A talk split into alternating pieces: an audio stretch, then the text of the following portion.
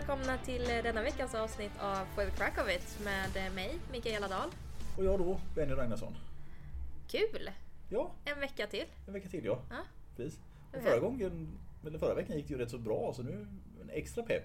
Ja, Faktiskt. men lite så. Det känns som att man börjar bli lite varm i kläderna och hitta rytmen i alla fall. Ja, lite så. Vi sitter lagom långt ifrån micken båda två och, och sådana saker. Så att alla de här små grejerna runt omkring blir lite bättre. Ja, vi, vi lär oss för varje, för varje avsnitt så att säga. Mm. Eh, vad har hänt sen sist då? Det här vanliga veckor eller vad man ska säga. Vi är inne i en period nu här med mycket vackert väder Mm. och helger och sånt där. Så det är, det är rätt mycket ryggskott. Ja, Även ja. att vi nu pratade om ryggskott förra veckan. Men det är mycket sånt nu hos patienter, det märker man. Mm. så här, överbelastningar både i form av däckbyten och även att fixa i trädgården och sånt där. My- Mycket sånt som dyker upp, Mm. helt klart. Mm. Och den här veckan då, då ska vi prata lite grann om axlar, hade vi tänkt Ja. oss. Precis. Eh, en av de mest komplexa lederna i kroppen kan man väl säga. Ja, den, när den är fri och bra så att säga så är den ju en väldigt rörlig och Fenomenal. ja, mångsidig led egentligen. Mm. Men med mångsidigheten kommer också den här potentialen till krångliga rehabproblem och sånt där också Exakt. istället. Va? Så det är mycket, mycket knas som kan, eh, kan hända axeln och, och tyvärr mycket som kan gå fel. Mm.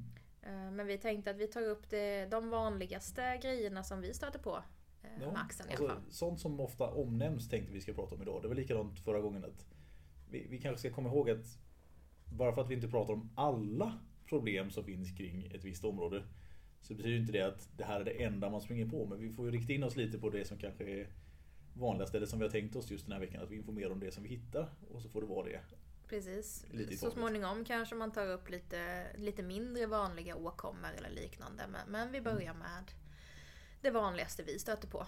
Ja, helt klart. Det vanligaste vi Mm. stöter på. Och när det gäller just axeln så är väl kanske den eh, diagnosen som man hör oftast är ju impingement. Mm, Eller inklämning om vi nu ska åberopa vanlig svenska här. mm, Att någonting är inklämt i axeln och därav har man då ont. Det är, Precis. grundkontentan av diagnosen i alla fall. Och det är ju precis som det låter, att någonting ligger och kläms, Ja, precis. nyps och därför får man ont. Mm, exakt. Eh, av olika anledningar. Men Mm.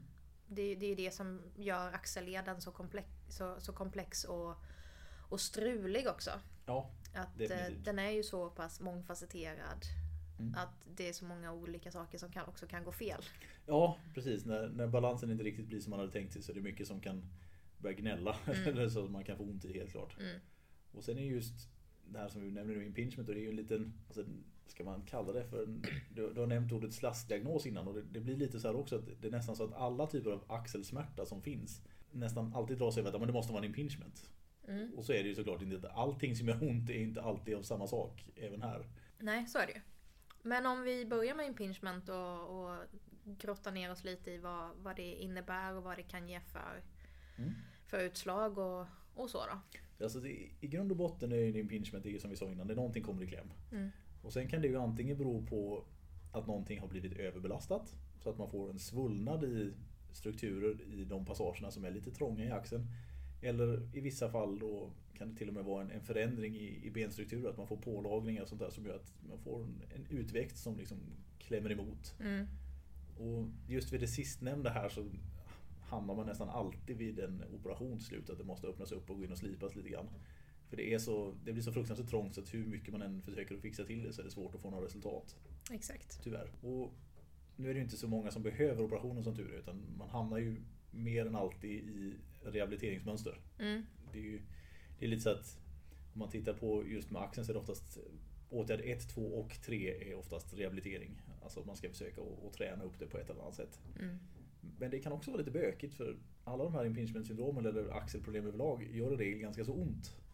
Så att det kan ibland vara svårt att motivera sig själv till att göra de övningar man behöver göra för att det är rätt obekvämt när man ska göra det. Mm. Mm. Och ju mindre rörelse man använder i axeln desto mer blir problemet prominent egentligen. Mm. Alltså att det tränger fram. Så att det som började som en lindrig impingement blir till slut värre och värre för att man, man räds liksom använda den. Och då, ja, då blir problemet värre. Helt enkelt. Och det är lite som vi pratade om förra veckan också. att så här, det får göra ont att göra sin rehab. Ja, Det, det kanske till och med är nödvändigt i vissa fall. Eh, Så länge det inte gör mer ont dagarna efter Mm. så är det inte någon risk. Utan Precis. kanske att man faktiskt måste vara ute i de där lägena som gör lite ont för att kunna bli bättre. Mm, helt klart. I, I dagens samhälle som vi har så har vi ju väldigt mycket ja, kontorsarbete till och från. Mm. Även egentligen i viss mån industriarbete är ju en typ av kontorsarbete idag. Det är mycket bara övervakning och programmering som Mm. gäller. Och de här positionerna man intar då, att man jobbar lite det vi skämtsamt man kallar för dödens triangel där, när man jobbar precis framför sig sådär. Det skapar ett väldigt stelt rörelsemönster. Ja. Alltså utav axlarna. Va? Man blir ju väldigt framåtroterad i axelpartiet. Och alla sådana saker bidrar ju till att den här belastningen ökar just på, på specifika strukturer. Så om vi nu går in på en impingement då som kommer av en, en överansträngning eller att man har liksom belastat för mycket. Då är det ju i regel just en, en förlängd överbelastningsperiod. In, det är väldigt sällan som det kommer plötsligt utan det har oftast ett, ett byggande förlopp. Mm. Alltså man börjar med en obekväm känsla att vissa positioner är svårare att ta. Man har svårt att slappna av och sen så bygger det där på sig tills det blir att det är svårare och svårare att göra vissa saker. Och det som kanske är mest slående när man träffar en patient som har haft ett långvarigt impingement syndrom det är att de inte längre tar på sig om man säger, kläder på ett sånt sätt som de gjorde tidigare. Utan vi, det här är kanske inte heller någonting som man tänker på men när vi tar på oss en jacka eller en tröja så har vi oftast ett invant mönster att en arm kommer först och sen så tar man den andra. Så det är sånt som vi har vant in oss ända sedan man är barn. Och får man då problem i ändra axeln, oberoende vilken det är, så kan det vara så att den axeln måste vara den första man stoppar i. För annars så går det inte för att rörelsen är liksom så inskränkt så att då, då kan man i regel se det på när patienten tar av, antingen av sig eller på sig sina kläder. Att de, de gör det lite kantigare än vad Mm. de kanske skulle se ut annars. Och då, då vet man ofta att det- här är, har liksom gått lite längre Mm. i, i den här proceduren egentligen. Det man kan känna själv när man är i situationen eller när man är patient med, med den här typen av besvär är ju att man måste tänka om sitt rörelsemönster. Att fasen, jag kan inte ta på mig tröjan, det gör ont. Hur kommer jag runt det? Hur får jag inte ont? För att jag måste fortfarande ha tröja på mig. ja, allt som oftast så måste man ju fortfarande ha tröja på sig. Så ja, man måste hitta lösningen för att inte behöva gå liksom med bara överkropp. Exakt, och det är väl det som, som vi eh, tittar på och, och man vill ju inte komma till det stadiet om man säger så. Nej, precis. Just med, med rehabilitering på sådana här saker är ju att det tar, tar ganska lång tid. Ja. Alltså, även att man nu får till en, kallar det för en superb behandlingsplan med liksom besök och träning och allt. En spot on så ja, att liksom, säga. när allting görs precis som man har planerat så kan det fortfarande ta ganska många månader innan man får det att bli riktigt bra. Ja, så är det ju i regel med allting där ett rörelsemönster har tvingats förändras. Mm, det är sant. Jag upplever dock kliniskt om man tittar på, nu, nu finns det alltid ytterligheter inom varje fall, men om man jämför de flesta problem så är det oftast axlarna så de, som tar längst tid i snitt Mm. innan man får dem att bli, man kallar det, bekymmersfria. sådär, Mm.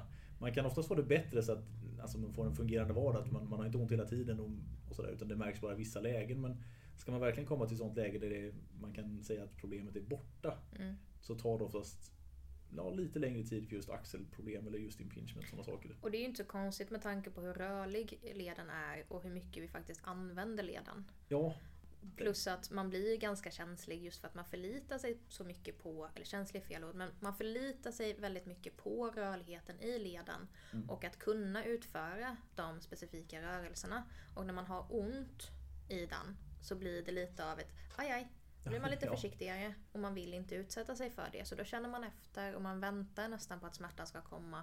Vilket på sikt kan bli ett, ett hinder i tillfrisknandet också. ja, visst är det så. Och det, det har man ju sprungit på patienter som man nästan har fått ta en nästan extra diskussion med om att du, du kan inte sitta hemma i soffan och hålla upp armen som i en metella och sitta still där för att ja, det är den enda positionen som inte gör ont. För om du gör så så kommer ju alla positioner bara göra mer och mer ont. Så Mm. att man målar liksom in sig i ett hörn. Mm. Men det, det är ju det som är lite speciellt med smärta. Är den för hemsk så, så räds man ju för den. Alltså man, man blir ju rädd för den och håller sig borta ifrån det. Och även om man då kanske behöver röra sig mer så blir det svårt Så är det. att liksom ta sig runt där. Men hur eh, går du tillväga då när du får in en patient med eh, impingement-liknande smärta? Mm. Alltså, först så kollar man ju alltså först får man ju en beskrivning av patienten givetvis. Alltså, de får berätta lite grann hur det började, hur förloppet har varit, hur det har kanske förändrats och, och man får en liten indikation på, är det här ett uppbyggnadsproblem som vi nämnde innan, alltså att ja, det har bara kommit från ingenstans och blivit sämre? Eller finns det någon skadehistorik som har dragit igång det? Mm. För då, då kan det kan göra lite skillnad i hur man går tillväga i själva rehaben sen beroende på om strukturer har varit hela hela tiden eller inte. Men det är ofta så det börjar och sen så gör man ju vanliga range of motion tester egentligen för att se vilka rörelser egentligen som finns. Mm. Alltså hur, hur långt i rotation både inåt och utåt kan man gå? Kan man röra axeln fritt upp och ner i alla olika vinklar och sådär. Mm. Och gärna att man försöker jämföra lite med motsatt sida. Mm. Dels för att se om den motsatta sidan är helt obehindrad, alltså att den har helt normalt rörelsemönster. Eller om det kanske till och med finns en begynnande problematik på den sidan också. Mm. För har, om det här nu har kommit av en uppbyggnadsfas så är ju sannolikheten att du har belastat den andra axeln i ungefär samma utsträckning ganska stor. Bara att problemet ligger lite bakom. Mm. Så att gör man en insats för låt säga höger axel så kanske man ska försöka göra en för vänster också samtidigt så att man Ja, med klassiskt gammalt uttryck, motar Olle i grind så att man försöker hålla det borta innan det väl inträder. Ja, precis. Ja, riktigt småländskt och fint. Så, så, är.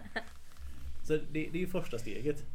Sen börjar jag oftast kolla igenom hur strukturer runt omkring axeln ser ut och mår. Alltså, allt som kan påverka hela skuldrans eller axelns förmåga att röra sig obehindrat. Det och det är alltid från bröstryggen till nacken och även muskulatur som är både runt axeln men även ner mot skuldran som man går igenom. Mm. Och ser Mm. hur ser spänningarna ut? Vad, vad kan man eventuellt lossa på för tryck inom leden och sådär. Och Många gånger så finns det ju en klar stumhet kring framförallt kosta 2 till 5 Ja. på samma sida. De, de brukar även om de kanske inte finns med under hela rehabprocessen, så åtminstone i början. Att man märker att ja, men här, här behöver vi liksom hjälpa dig på traven. Och vad är. Kosta? Vad kostar det? Det är revbenen då. Ja. Det, det, när vi pratar om kosta så pratar vi om de små lederna som är mellan revbenet i sig och själva ja, kotpelaren. Ja. Bara för att vara övertydlig. Ja, för övrigt, ja precis. Det, Det är lätt för oss att ibland eh, slinka in och, och använda vår, vår terminologi och inte, och inte tänka på det. Så ni får ursäkta det där. Men ehm, precis, lite, lite behandling av eh, ryggrad, revben, muskulaturen runt skuldran och Mm. liknande. Precis. Mm. Och sen blir nästa steg att utvärdera hur egentligen skulderbladet stabiliserar sig. Mm. Alltså har man en, en liten vingskapel, alltså att om skulderbladet har en tendens att släppa ifrån ryggen lite grann så att det liksom blir en, en glipa emellan eller kan det hålla in till? För om det finns en glipa då måste den stabiliseras. Om det inte är någon glipa då är det oftast mer bara stelheten man behöver behandla enbart egentligen. Mm. Mm. Och om vi då delar upp dem där att vi bara tar stelheten till exempel då blir det ju Förutom de behandlingsmomenten man gör blir det ju ett stretchprogram som man börjar med. Försöka få tillbaka just rörligheten och man jobbar ut stela muskler som är både främre deltan, alltså främre delen av axeln, ner mot bicepssenan ner i överarmen. Mm. Jag sitter här under tiden och gestikulerar och försöker det- visa. Det är väldigt svårt i ett Ja. ljudfil, Vi- vi- eller vi- ljud... Vi hade visst ingen visuell podd utan det var bara ljud där. Men i alla fall man försöker få loss de stela musklerna runt omkring. Med, Mm. med tre, fyra olika stretchövningar som man kanske gör ett par gånger om dagen. Mm. Det börjar med i alla fall. Det, det är första en, två veckornas arbete skulle jag Mm. nog säga. Sen efter det så kommer man då in i den här uppbyggnadsfasen om det behövs. Alltså man kollar igenom, nu när allting kanske blir- förhoppningsvis blir lite mjukare. Så ska man försöka se att är det någonting som känns som att det inte jobbar optimalt. Alltså att är muskeln försvagad på något vis. Och det har ju mycket med rotatorkuffen, alltså då rotationsmusklerna kring axeln. Mm. Och i viss mån även adduktorer och, och sådana här saker. Mm. Så kollar man igenom det lite. Får man då ett gensvar att "Ja, men det känns inte riktigt bra, då lägger man ju upp övningar för det att försöka aktivera. Där gillar jag ju antingen att använda bara kroppens egen tyngd. Alltså man, man flaxar med armen helt enkelt. Så bara, bara Pingvinflaxen. Ja, lite pingvinflax så. Eller lite lättare gummiband så att man får någonting att sikta emot. Mm. Mm. Kommer det däremot in i den här situationen som vi nämnde innan med att man har lite vingskaplar där. Då blir det att man måste börja träna upp muskulaturen mellan själva bröstkorgen och skulderbladet. Mm. Och det, det kan vi givetvis göra men de övningarna är ju kanske inte sånt som man springer på så ofta som gemene man så att de är lite bökigare. De kan vara svårare att förstå och framförallt hitta fokus på. Mm. Den är alltid svår att få rätt kontakt i, Ja, jag. och det, kontakt är ett väldigt bra ord som du nämnde här. För om man går till ett gym vilket som helst och är väldigt ovan vid att träna eller så, här, så kan man gå in och så ser man att det finns bilder på maskinen som man kan Mm. köra och sånt där till exempel. Och så kan man försöka följa dem lite grann. Då får man en generell bild av vad det är man ska göra. Mm. Vilket i vardagsmotion funkar alldeles ypperligt. Men ska du göra någonting rehabiliteringsmässigt så är det viktigt att det tar precis där det ska. Och då, då ska man helst försöka komma till att man ska få, som du nämnde, kontakten eller känslan att ja, det är där jag vill att det ska träffa. Mm. Och då räcker det inte med att man gör bara som det ser ut utan man måste verkligen få träff på det stället man ska. Mm. Och det är det som gör det kanske lite klurigt när du ska få tag på muskulaturen under skulderbladen. För det är, det är lite mäckigt att känna att är jag verkligen på rätt ställe nu? Alltså ta det där det ska. Mm. Och det, det, det kan vara lite svårt. Ja, det är jättesvårt. Tycker jag. Mm. Personligen. Och jag jobbar ganska mycket med det här och leker med att leta efter kontakt i olika muskelgrupper. Och, och hitta nya övningar och för, för att kunna förenkla för patienter. Liksom. Hur, vad, Mm. vad funkar för mig? Vad funkar inte för mig? Hur Precis. känner jag när jag gör det här? Alltså, och, och leta liknelser. Liksom. Och just den eh, skulderbladsstabiliteten är jäkligt svår. Det kan ju ibland vara svårt att, att eh, hänga med i, i, i tugget med kiropra- kiropraktorn eller terapeuten när man så här, kommer in och har ont i en nypkänsla i axelleden och sen så börjar terapeuten prata om ditt skulderblad. Ja, Det kan ju vara ganska svårt att hänga med i den logiken men det är sammankopplat. ja, Tro det eller ej. Och det kan vara minst lika svårt att förklara kopplingen eh, ja. från vårt, håll. Faktiskt. Och det här, här är faktiskt ett bekymmer som man springer på ibland som terapeut. Att man, man har liksom en så klar bild för sig. Man kan liksom själv nästan se den här röda linjen igenom hur kompensationen ser ut. Så att man tar det nästan lite för givet. Mm. Att ja, det är klart vi ska behandla här och så är det inte säkert att patienten förstår alls varför man Men varför gör du saker där och inte i axeln som gör ont? Så här, ja men då, då har man liksom kanske för- förklarat lite dåligt för att Mm. man, man in, inser inte att patienten inte besitter samma typ av kunskap. Jag hade ju faktiskt ett sånt eh, case nu precis tidigare idag. Mm. eh, bara någon timme sedan. Där eh, min patient sökte för smärta i eh, axeln med utstrålning. Och eh, jag hittade ingenting i själva axeln. Däremot så var det väldigt mycket spänt och låst i bröstryggen. Mm. Så jag släppte på det och tryckte lite muskler och eh, stretchade lite och förklarade för, för patienten vad, vad som skulle göras hemma och vilka övningar som var bra och si och så. Och eh, patienten satt som ett frågetecken. Och ja. frågade sen varför har du inte... Jag har ju ont i axeln. Varför har du inte fixat det? Och så insåg jag att oj, det här var hade jag ju skött lite dåligt. Så fick jag ta fram min, eh, min plansch. ja, precis. Min plansch och peka och försöka förklara och vara så tydlig, så tydlig man kan vara i den situationen. Att allting hänger ihop och bara för att smärtan sitter på ett ställe betyder inte det att ursprungsorsaken är där. Nej, för det, och det är väldigt sällan som det är så enkelt att bara Precis. är just under så att säga. Och framförallt vid impingement syndrom, Ja, ska vi väl säga. men i alla fall då så att själva rehabiliteringen är just mycket gummiband. Eh, Även en hel del armhävningsliknande rörelser både mot vägg och alltså ner mot golvet så här, att man försöker stabilisera sina skulder och även få rörelse i skulderbladen samtidigt som man gör presssituationen lite grann. Mm. Mycket sånt använder jag idag i alla fall för att stabilisera framförallt skuldran då. Mm. Så det är de stegen som går. Sen kommer vi ibland till ett läge när det inte går. Ja. Alltså, rehabiliteringen funkar inte. Alltså, det gör för ont för att utföra det man ska. Man kan få en patient som kanske är lite för lat för att göra riktigt de sakerna. Eller lite, vi, vi säger inte lat eller det, men vi säger lite för rädd för att liksom, tänja på gränserna lite grann så att resultaten uteblir. Mm. Alltså man, man har gjort de här olika stegen och man träffas vissa gånger och det funkar inte. Och då kan det ju vara så att man måste ta nästa steg. Mm. Och då, då är det ju oftast antingen att man tar en kur med lite starkare antiinflammatoriskt. Man, man pratar med sin vårdcentralsläkare så och försöker få någonting utskrivet som gör att man hjälper till lite grann med att dämpa inflammationen. Eller i värsta fall så är det ju kortison då. Mm. Det här är väldigt viktigt att komma ihåg. Det glöms ofta bort att om man får en kortisonspruta så kan man ju ha naturen att smärtan liksom försvinner. Mm. Alltså, den här värsta inflammationen lägger sig så att saker och ting känns ganska så bra. Just ur en smärtsynpunkt sett. Men det är fortfarande så att den här funktionsbristen vi hade sen innan, den är ju i regel kvar. Så att om vi bara låter saker och ting vara där, att vi, vi släpper rehaben nu för att men nu känns det ingenting, nu gör det inte ont längre, nu behöver jag inte göra det här. Men sen när kortisonet slutar verka, då börjar det bygga på sig igen. Mm. Och då får, har man ju dessutom hållit på ännu längre och gnava lite grann på det. Så att det brukar oftast komma tillbaka nästan sju resor värre än vad det var innan. Så att bara för att man får hjälp med en sån sak som kortison till exempel, man får inte glömma bort sin, sitt eget ansvar eller sin rehab under den tiden. Nej, precis. Och det, det är det som, som händer i nästan alla fall. Att så fort man inte har ont så glömmer man sin rehab. Ja, Det är ju bra att fortsätta med rehaben vad du än har fått rehaben för, precis. även när du har blivit bra.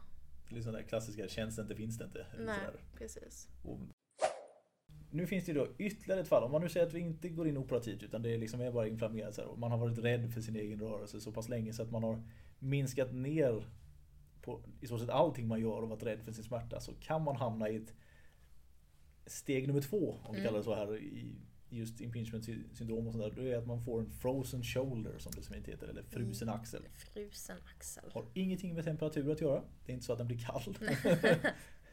Just axeln i sig, är, och till viss mån även höften, det är väldigt rörelsehäftiga leder. Alltså de har mycket rörelse där. Men det är också att om du inte rör på dem så mår de inte bra. Nej. Utan ledkapseln kan alltså strama till sig, bli hård och därigenom då också inflammerad. Och då får man det, det som kallas för en frozen shoulder. Då. Mm.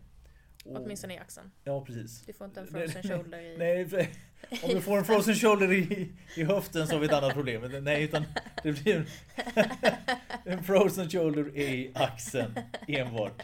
Jo, och en frozen shoulder då, det är ju egentligen samma typ av rörelseinskränkningar som vid impingement fast mycket, mycket, mycket, mycket värre. Alltså det, det, det blir nästan en total avsaknad av rörelseförmåga totalt sett. Ja men det beskrivs ju, alltså namnet frozen shoulder kommer ju från att beskrivningen av att det känns som att jag är igenfrusen. Jag kan inte röra axeln. Jag kan inte lyfta den, jag kan inte föra den framåt, jag kan inte föra armen bakåt. Jag kan inte röra min axel. Nej, alltså det, det är ju totalstopp Ja. egentligen. Precis. Lite överallt sådär. Och det, Det kan komma med utstrålning men det behöver inte göra det. nej. Den, det tar lite längre, så en, en gedigen, en gen- genuin frozen shoulder har ju en ganska lång process innan den, den blir bättre. Den, den, den kommer med största sannolikhet att släppa på och, och man kommer kunna återgå till en normal rörelse i axeln så småningom. Men förloppet kan tyvärr vara i några år. Ja, alltså har det väl brutit ut så att man får, om du använder termen en äkta frozen shoulder, alltså Ja. där det liksom är no-no på alla rörelser. Då är det ju i bästa scenario oftast något år Mm. och i sämsta scenario kanske ett par tre år innan man Exakt. liksom blir bra. Och det här är alltså med rehabilitering och behandling som Mm. vi pratar om. Så det, det är en fruktansvärt seg åkomma när man Mm. väl har kommit dit. Och extra trist är då som vi nämnde innan att det kommer av att man har alltså varit så rädd för smärtan så man skapar en- helt annan bäst som är ännu hemskare egentligen. Alltså Ja men det är lite såhär det tvåhövdade monstret som helt plötsligt bara fick fyra huvuden. ja precis, ja, men en sån här total es- eskalering. Ja. Och här är ju Här går man ju in mer på basal nivå när det gäller alltså rehabilitering. Förut har vi pratat om att ja, man ska jobba med gubbeband och så här. Här kan det egentligen räcka med att ja, men du måste stå och göra små rörelser framåt och bakåt. Exakt, Tourettes-åttan. Ja precis, och sen säger ja men nu får du lite... Ska ja, spontant göra åt, alltså en rörelse av en åtta lite när som helst under dagen. precis. Just åttan som vi pratar om här är ju en alltså, väldigt basövning egentligen. Den, om du ritar en åtta så att om man tänker att du har ena halvan av åttan framför kroppen och andra halvan bakom. Så är det ju i stort sett alla axelns rörelsemoment i en och samma övning. Ja. Egentligen. Den är ju inte kanske särskilt effektiv när det gäller att ja, men nu ska bli jättestark i axeln. Men ska man försöka få in... Nej men det är, det är väl inte heller första fokus vid en frozen shoulder. precis. Men ska man bara försöka få in lite alltså rörelse, eller att man försöker tänja lite på gränserna över hur långt det går. Mm. Då, då är den ju väldigt smidig. Ja. Så den, den brukar jag också ja, ha med. Även vid en del just impingement-problem så brukar jag få in den för att gör man lite den så minskar man risken för att man hamnar här. Ja. Alltså sen i alla fall. För att ledkapseln får vara lite, lite mer rörlig i alla fall. Eh, kan vara skönt också att så här, bara hålla en vikt och låta axeln falla lite. Mm. Så att man, ehm, det är svårt, gud vad svårt det här blir i, i ljudformat känner jag nu. Men att släppa ut axeln, axelleden från, ehm, från ja, skuldran om man säger. Att Ja. man låter armen hänga lite. Det blir som ett, ett passivt litet stretch i, i ledkapseln som kan vara ganska avlastande men inte belastande. Mm. Ja men det är helt riktigt. Och det, det här kommer ju lite av att axeln har en tendens att bli lite grund. Alltså att den nästan drar in sig i sig själv eftersom allting Mm. är så tajt. Va? Och då vill du ju, precis som du beskriver här, försöka få lite separation. Och därigenom kanske lite lättare rörelse också. Mm. Så att det är också en väldigt simpel och bra övning. Där man bara någonting som är lite tungt och så håller man i det. Mm. Och nu med lite tungt så menar vi inte så här, det är inga 20 kilos hantlar. Nej, nej, nej, nej. Alltså så här, kanske en eh, vattenflaska. Ja, alltså så här, vä- väldigt basalt och Ja. enkelt. Här, Det behöver inte så. vara mer komplicerat än så. Inte när man har kommit till den här graden av, av smärta och problematik. Nej, precis. Men om vi eh, går tillbaka då. Vi, vi, eh, vi låtsas att eh, det inte har blivit en, en äkta eller genuin inom stora situationstecken. Ja, Ehm, man börjar känna sig stel i axeln mer eller mindre. Impingement har gått över till stelhet i hela axeln och smärta i många rörelser. Då gillar jag eh, det här, det här låter också konstigt. Jag har så konstiga namn på alla mina övningar, inser jag. eh, spindel på väggen. ja, Att man klättrar lite, man tar hjälp av en vägg. Och sen så klättrar man så att man liksom med fingrarna, likt en spindel, går uppåt på väggen. eh, Så högt man kan. ja. Du sitter här och skrattar åt Det, mig. här, det, det är för att du sitter och gör spindelrörelsen på skrivbordet under tiden. Det, det är väldigt visuellt för mig som kanske inte alls visste vad det här var. Men, ja. men det, det, du har helt rätt, spindel på väggen är en väldigt bra basal övning där. Ja. Och det är också ganska lätt att mäta sin progress lite grann. Mm. Så man kan ju sätta små märken liksom hur långt man kommer. Mm. Då- Förutsatt att man vill måla på sin vägg. det förutsätter, vi, vi förutsätter att alla vill det nu för det, det, rehab är viktigt så då får man ta smällarna som blir Rehab for life. Precis, att det alltid ska bli bättre. Men just att man, man har ett litet mätbara resultat. Att, ja, gör du övningar rent allmänt så är det svårt kanske att mäta på hur långt kom jag rörelsemässigt i axeln. Men just spindeln här är rätt bra att man kan kolla. Mm. Och även att man kör den, nu, nu nämnde den liksom fram och tillbaka, men man kör den i olika vinklar. Ja. Så att man försöker liksom jobba ungefär som rakt framför sig tills rakt utåt sidan. Så man Ja. har ett 90 graders intervall där. Precis. Så Och- att man bara tänker att man vrider kroppen bort från väggen gradvis. Mm, precis. Så den, är väldigt smidig, Mm. helt klart. Och sen om man börjar liksom med dem först, det här är ju kanske när det är lite mer irriterat. Lyckas man då få lite resultat på det, att det blir lite bättre.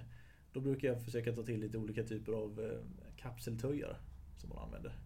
Mm. Lite stretching av själva Ja, axelleden så att precis. säga. Och det, nu är ju vinklarna på dem oftast lite mer extrema så de måste man vara väldigt försiktig med. Och det, det ska vi Ja. ta in här också. Säga att försiktiga sådana. Och här måste man definitivt ta kontakt med en terapeut innan man gör. Ja, här ska vi nog inte ens eh, tipsa överdrivet mycket utan det är väl mer så här, ta kontakt med din terapeut om du har den här typen av besvär.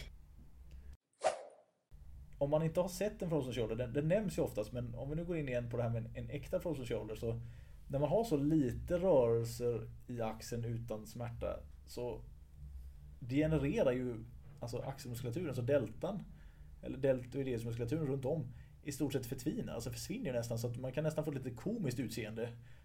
Man får en väldigt liten axel på en sida. Ja precis, att det är nästan så att man kan se själva axelkulan för att muskulaturen försvinner. Det blir lite skelettigt liksom Ja. genom huden. Verkligen så. Då, då har man ju sen fullfjädrad frozen shoulder. Mm. För det, då, är det, då är det jäkligt att bli av med. Ja. Alltså svårt. Det går ju fortfarande. Jag har genom mina 15 år som kiropraktor träffat tre patienter där det har gått så pass långt så man alltså tydligt kan se att här har vi liksom Oj, oj, här finns ju inga muskler kvar alls. Nej. Och alla de har blivit bra, men det har tagit en förbaskat lång tid varje gång.